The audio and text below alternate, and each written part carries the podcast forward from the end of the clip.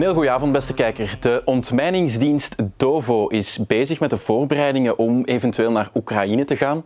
Wat ze daar precies zouden kunnen gaan doen, daar gaan we het over hebben met eh, Jacques Kallebout, adjudant-major in het eh, hoofdkwartier van DOVO. En dat ligt, mocht u dat nog niet weten, in Oud-Heverlee in het eh, Meerdaalwoud. Nog elke dag, heeft hij mij al verteld, rijden de militairen daar uit om munitie en achtergebleven bommen uit de wereldoorlogen te gaan oppikken. Goedenavond, meneer Kallebout. Goedenavond. Welkom in de studio. Elke dag, dat is toch wel vrij opmerkelijk, hè? want die laatste wereldoorlog is al meer dan 75 jaar geleden. Ik zou dan denken, dat is toch allemaal al lang opgeruimd, maar blijkbaar niet. Nee hoor. Uh, op jaarbasis gaan we nog altijd meer dan 3500 keer buiten vanuit de drie compagnieën die we hebben, dus Meerdal, Poelkapelle en Zeebrugge, ja. om de munities op te ruimen. Ja, en in welke regio's wordt er dan het meeste munitie gevonden? Het meeste, de meeste munities worden altijd gevonden in de regio van West-Vlaanderen. Dat is uh, de, de Westhoek. Ja. De Eerste Wereldoorlog heeft dat uh, echt uitgehouden en vandaar dat er heel veel gevonden wordt.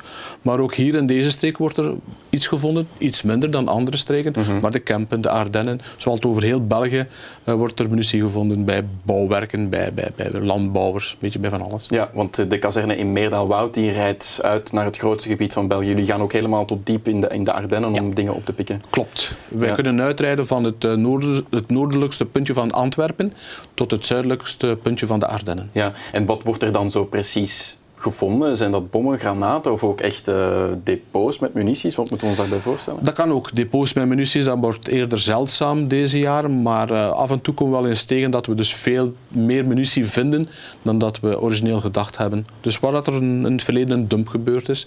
Dat ligt dan munitie... onder de grond of zo? Van dat kan, boom, maar dat kan ook aan de oppervlakte liggen. Het is soms nogal raar waar zaken gevonden worden. Ja. En dat, is de, dat zijn dan plekken waar dan niemand ooit nog is op uitgekomen en nu plots iemand dat dan vindt. Ja, inderdaad, dat kan. Maar dat kan ook zijn dat dat uh, frequent bezochte plaatsen zijn en dat men gewoon het genegeerd heeft doorheen de jaren. Maar het kan ook zijn dat uh, Jan Modaal, die eventjes in zijn, tuin aan het spitten is, dat hij munitie vindt. Of bij bouwwerken aan een huis dat er is gevonden wordt. Uh, bij de funderingen uitgraven.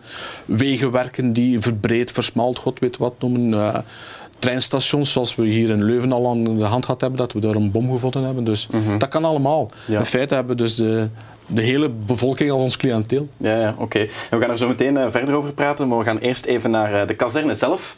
Naar het hoofdkwartier dus in Oud-Heverlee van Dovo, waar ook de opleidingen worden gegeven voor de ontmijners van de toekomst, zeg maar.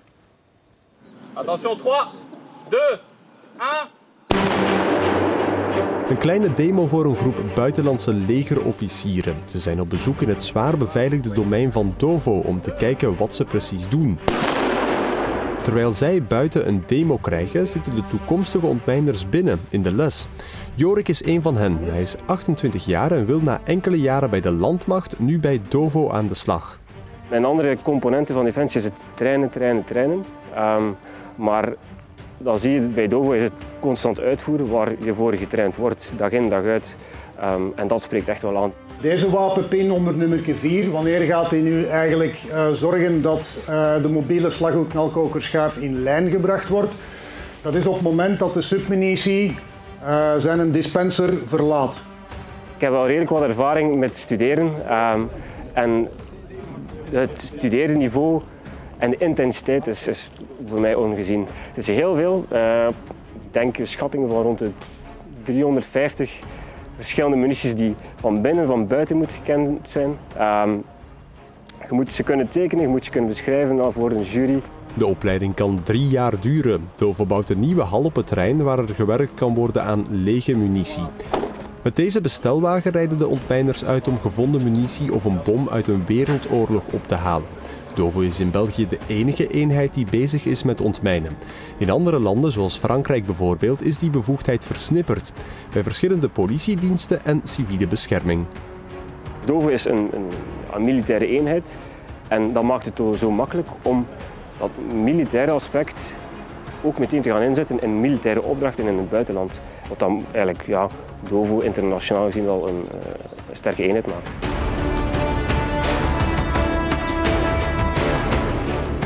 Dovo is in het verleden ook ingezet uh, in Afghanistan. Uh, bijvoorbeeld opleidingen aan uh, in Mali. De lokale militairen gaan opleiden wat net de gevaren zijn van de munities die daar worden gevonden.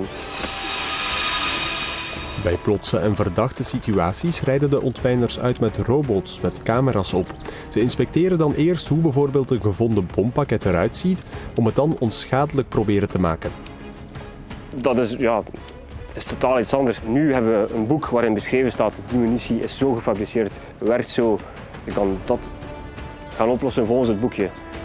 Die geïmproviseerde, die terroristische dreiging dan. Maar er zijn duizend en één verschillende oplossingen om die dreiging weg te nemen. En dat zal een, een, ja, een zeer praktisch probleem worden, maar ook ja, stress zal er ook wel uh, bij komen kijken. Ja, meteen even inpikken op die bestelwagen die we zagen waar jullie dan mee uitrijden. We zagen daar een zandbak achteraan. Leid ik daaruit af dat jullie die bommen, mochten jullie iets vinden, gewoon meenemen terug naar Som, Ja, soms wel, ja. Dat is afhankelijk. We kunnen overgaan tot twee soorten van situaties. Namelijk, uh, als we beseffen en uh, een duidelijke identificatie hebben dat deze tuigen veilig zijn, mhm. veilig voor transport, dan kunnen we die meenemen. Als ze dat niet meer zijn, dan gaan we ter plaatse moeten vernietigen. Vandaar ook dat je soms in de kranten leest van Dovo heeft een, een tuig tot ontploffing gebracht. Dat is een gecontroleerde ontploffing dan? Ja, inderdaad. Daar komt het op neer. En als jullie het meebrengen naar het Meerdalwoud, dan laten jullie het daar ontploffen? Of waar gebeurt nee hoor, helemaal niet. Helemaal niet. Wat we in Meerdalwoud doen, is de munities die we binnenkrijgen, die gaan we dus voor een tweede of een derde keer identificeren, om zeker te zijn. Mhm. Want we kunnen ook op het grondgebied nog altijd toxische munities vinden. Dat mogen we zeker en vast niet vergeten. En aan de hand van dat gaan we die verder behandelen. En gaan we dus inderdaad, normaal gezien, vernietigen op een vernietigingsterrein. Dat afgesloten is, dat ver van alles is, waar dus geen gevaar is. Dat is niet in het Meerdalwoud? Nee, helemaal niet. Nee. In Meerdalwoud worden enkel maar de noodvernietigingen uitgevoerd. Dus als men beseft dat de munitie die binnengebracht is uh, niet meer veilig is om verder behandeld te worden, dan kunnen we overgaan tot een noodvernietiging in Meerdalwoud. Maar dat, zijn, dat is eerder uitzondering naar regel. Ja, want is dat dan veilig zo, een bom mee over de weg nemen? Want ik neem aan, als jullie nog iets vinden uit Wereldoorlog 1 bijvoorbeeld, ja, daar werd ook chemische wapens, dat mosterdgas gebruikt. Is dat dan überhaupt wel veilig eigenlijk om die dingen over de weg mee, eh, mee te brengen? La, laat ons stellen dat de feiten nooit niet veilig is, maar dat we altijd de veiligheidsmaatregelen in acht nemen om als er iets gebeurt, dat er zoveel mogelijk schade zal berokkend worden aan de omgeving. Vandaar ook dat we beslissen van ter plaatse te vernietigen. Natuurlijk, een chemisch gevuld, uh, gevulde munitie, die kunnen we niet ter plaatse vernietigen. Dat risico kunnen we niet nemen. Dus daar worden allerlei veiligheidsmaatregelen op toegepast, zodanig dat dat ingekapseld wordt, dat het gevaar op tot, tot quasi nul wordt herleid. Ja, oké. Is het gevaarlijk werk eigenlijk? Want we hebben dan dit luik, maar we hebben ook het luik, het gerechtelijke luik, zeg maar, van verdachte bompakketten waar jullie dan naartoe gaan met die robots. Ik hoorde Jorik ook vertellen, ja, dat is helemaal iets anders, want dan Goed, je hebt dat handboek ingestudeerd, al die munities, je kent die van binnen en van buiten, maar met zo'n bompakket, ja, je weet eigenlijk niet hoe dat in elkaar steekt. Hè. Hoe, hoe, begin je daar dan eigenlijk aan, aan zoiets onschadelijk maken? wat we noemen een threat assessment te maken. We gaan dus bekijken wat de dreiging is. Wie is de persoon die men viseert, of het gebouw, of de organisatie. En aan de hand van dat gaan we dus proberen vaststellen wat de mogelijke manier van operatie is, van manier van werken van dat tuig. En aan de hand van dat gaan we dus uh, een, een, wat wij noemen een RSP uh, samenstellen, een render safe procedure, een manier om dat tuig veilig te stellen. Daarvoor hebben die camionet, zoals u net gezien hebt, een race aan tools aanwezig, waaronder ook de robot en, en, andere zaken, om ervoor te zorgen dat we ook daar zo veilig mogelijk kunnen werken. Maar het uh, gevaar nul bestaat gewoon nee, dat is dan toch wel een beetje moeilijker. Gebeurt dat vaak eigenlijk, dat jullie dan zo, zo met die robot moeten uitrijden voor verdachte bompakketten? Dat gebeurt heel regelmatig, zeker nu met de dreiging die in elke Antwerpen... dag? Of, of uh... Quasi, quasi. Uh, als we kijken nu wat er nu aan de hand is in Antwerpen, maar ook over heel België. met, met de drugsoorlog bedoelt u, daar rijden jullie dan ook naartoe? Inderdaad, inderdaad. Maar ja, of dat dan drugsoorlog is, dan laten we aan het gerechtelijk systeem over. Maar feit is dat wij een steun zijn van de, de gerechtelijke diensten om ervoor te zorgen dat de crime scene, laten we het zo maar noemen, zo'n beetje CIS-wise, mhm. dat die veilig is. Dat die inderdaad gevrijwaard is van, van mogelijke andere tuigen of springstuigen die nog aanwezig zijn. Dus dat is onze eerste taak. En onze tweede taak is de bewijzen helpen, mee helpen verzamelen om het pakket samen te stellen, zodanig dat juridisch gezien de daders kunnen uh, ja, berecht worden. Ja, oké, dus dat zijn dan die twee luiken. Jullie krijgen ook heel wat buitenlands bezoek, zagen we in de reportage ook. Um, maar ik vraag me dan af, buitenlanders komen naar hier voor die unieke expertise van Dovo. Maar goed, Frankrijk, Duitsland, Nederland ook in Wereldoorlog 2 hebben toch ook heel wat dingen moeten opruimen. Hebben die dan geen, geen Dovo? Een soort van, maar ze hebben eerder dovo's, laten we het zo noemen. En ook daar zijn ze nog altijd quasi dagelijks bezig met het opruimen van die, van die munitie. Maar wij hebben een uh, unieke organisatie, omdat we juist een unieke organisatie zijn. Al de know-how en al de opdrachten zitten onder één hoedje, namelijk bij Dovo. Dovo. En Dovo is de enige. Ja. Ja, in andere landen zit dat wat verspreid. Dat zit verspreid. Als we kijken naar bijvoorbeeld onze zuiderburen bij de, bij, in Frankrijk, dan heeft men daar een, een, de politie die een bepaalde verantwoordelijkheid heeft, heeft men de civiele bescherming die een bepaalde verantwoordelijkheid, de gendarmerie, de militairen. En dat leidt dus tot, laten we niet zeggen tot, tot, tot een soort van verwarring, maar het is niet handig om werken. Uh, bepaalde zaken worden bemoeilijkt om door te geven. Ja, ja. Informaties de blijven. De kennis zit veel te veel verspreid. En is dat dan de reden waarom dat de NAVO, de VN, die grote organisaties, als er dan buitenlandse missies zijn, vooral bij de Belgen, bij Dovo in het Meerdaalwoud komen aankloppen? Dat klopt. Daarvoor mogen we wel een pluim op ons hoedje steken. Dat klopt inderdaad. Dus door de manier van werken, door onze organisatie, door ons uniek gegeven, mhm. kunnen wij uh, in bepaalde, in de meeste gevallen, de, de, de, landen waar de problemen zich voordoen, meehelpen de zaken te organiseren. Ja, want er zijn wel wat buitenlandse missies geweest en er is ook een oorlog gaande uh, niet zo heel ver van hier, in Oekraïne. Klopt. Zijn jullie daar? Heeft Zelensky Oekraïne al gevraagd aan Dovo om, uh, om langs te komen? Zo nauw zijn de contacten niet tussen nee. de Oekraïners en ons. Maar we zijn wel bezig uh, om, om ons voor te bereiden in een geval van. Dus al de zaken die daar gebeuren, die worden dus... en dat is op vraag van de minister van Defensie bij ons? Of, of Gedeeltelijk wel, ja. Dus er is al geopperd geweest van in geval van dat België steun kan leveren, maar welke steun dat die zal zijn, dat is afhankelijk van de politieke beslissingen die zullen moeten genomen worden. Ook van gaat het onder een NATO, EU-hoedje, onder UN zijn. En hoe dus concreet zijn die voorbereidingen? Wat, wat doen jullie dan? Uh...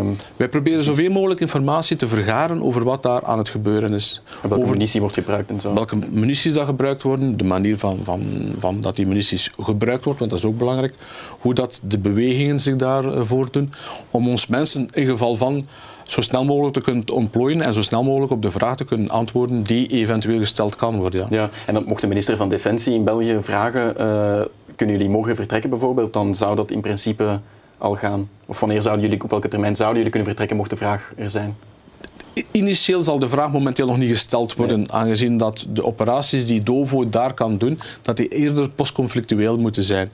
Dus het is nogal uh, ingewikkeld om in een oorlogsgebied, ten eerste we mogen al niet, ten tweede het is ook ingewikkeld naar de bevolking toe, om daar al te beginnen te opereren. Het is echt een, het is al gebeurd en, het, en in bepaalde gevallen kan het, maar als we gaan om de bevolking daar wel degelijk te helpen, is het best postconflictueel. Ja, want je kan wel dingen opruimen, maar als het dan weer wordt ingenomen, dat is het juist. Dan, dan, kan je opnieuw beginnen. Je kunt geen zekerheid geven aan de mensen van te zeggen van kijk, het is veilig. Want die, dat kun je niet doen. Maar de vraag is dan natuurlijk, ja, gaat die oorlog ooit eindigen? Want dat lijkt er misschien op dat dat naar een soort van status quo gaat, zoals dat in Syrië ook wel is. Wanneer is het veilig genoeg om te gaan? Um, het is veilig genoeg als de beide um, landen zeggen naar hun eigen toe, hier is het stak dus vuur, hier, is het, hier gaat er niet meer geschoten worden. En dan is het afhankelijk van wat de politiek beslist. Ja. En als de politiek beslist van ja, we kunnen EOD, dus DOVO, sturen, ja, dan zijn onze mensen klaar om te vertrekken. Ja, oké. Okay. Uh, even terug naar Meerdal-Woud. Het is een uh, afgesloten terrein. Je hoort in Leuven soms wel eens waaien dat daar in het geheim heel wat munitie ligt opgeslagen en bommen van het Belgische leger. Klopt dat eigenlijk? Nee, dat klopt helemaal niet nee. meer, laten we het zo zeggen. Niet meer? Niet meer. Ooit Voor... het wel geklopt dan? Ja, inderdaad. Voorheen was het het uh, munitiedepot van de luchtmacht. Dus lagen er net wat bommen opgeslagen. Een grote bommen ook, neem ik aan. Grote bommen ook, ja. Maar die waren allemaal zo gestockeerd dat dat op een veilige manier werd bewaard. Ja. Dus er zijn ook nooit geen echte ongevallen daar gebeurd. Er zijn geen ontploffingen gebeurd die daar per ongeluk waren. Alles wordt altijd wel mooi gestockeerd en op een veilige ja. manier behandeld. waarom is het dan toch zo eh, streng beveiligd nog, uh, Dovo? We hebben daar natuurlijk ons eigen munities nog liggen. Dus die, die munities die opgehaald worden, die worden binnengebracht in Dovo. Dus mm -hmm. die worden ergens gestockeerd. Ja. Uh, plus erbij, we zijn ook de griffie van, van, van de juridische zaken. Dus al die zaken moeten op een veilige manier gestockeerd ja. worden. Vandaar dat dus... Uh, okay. Het is niet uh, per se om de illegale ravers vanuit uh, Brustum tegen te houden. Nee, nee, laat ze maar. Meegenomen. ja. Oké, okay. heel kort nog om af te ronden. We zagen Jorik in de reportage, heel enthousiast. Um, maar ik heb ook begrepen dat het eigenlijk niet zo heel makkelijk is om bij Dovo binnen te geraken. Nee. Zitten jullie qua personeel eigenlijk goed? Is dat, is dat een populaire eenheid ook? We mogen niet klagen. De kwestie van, van de, de jeugd die toekomt bij ons. We hebben, ons, ons potentieel is niet zo slecht, laten we het zo stellen. Maar net zoals in defensie zijn er inderdaad wel gaten. Uh, zijn we dus nog op zoek naar mensen die bij Dovo willen komen. Spijtig genoeg kunnen we nog niet rechtstreeks van, van burger naar Dovo komen. Dan moet je mhm. eerst een andere taak, zoals Jorik in Defensie al gedaan hebben, al voordat je kan postuleren voor naar Dovo te komen. Maar dat zou veranderen naar de toekomst toe. Ah ja, oké, dat mensen rechtstreeks kunnen instromen. Inderdaad. En op 18 mei, als ik het goed heb, een open deurdag. Klopt. Wat kunnen we daar, om uh, mensen warm te maken, in wat kunnen we daar precies van verwachten? Wel, we gaan onze capaciteiten tonen. We gaan eens tonen aan de bevolking van wat we juist doen en hoe we dat juist doen. Aan de hand van onze medewerkers die dus met veel enthousiasme zullen uitleggen van wat er juist aan het gebeuren is. Plus erbij, we hebben een heel nauwe samenwerking met het uh, Agentschap Natuur en Bossen. Dus die mensen zullen ook aanwezig zijn om duidelijk te maken dat het militair aspect en het uh, propere natuuraspect dat dat, dat prima samen kan werken. Oké, en heel wat demo's um, neem ik aan. Okay. Inderdaad. Meneer Kallebout, dankjewel voor uw komst uh, naar de studio en veel succes nog. Heel graag gedaan. Dankjewel. En u thuis, bedankt voor het kijken naar deze uitgelicht. Volgende week zijn we uiteraard opnieuw. Tot dan. Dag.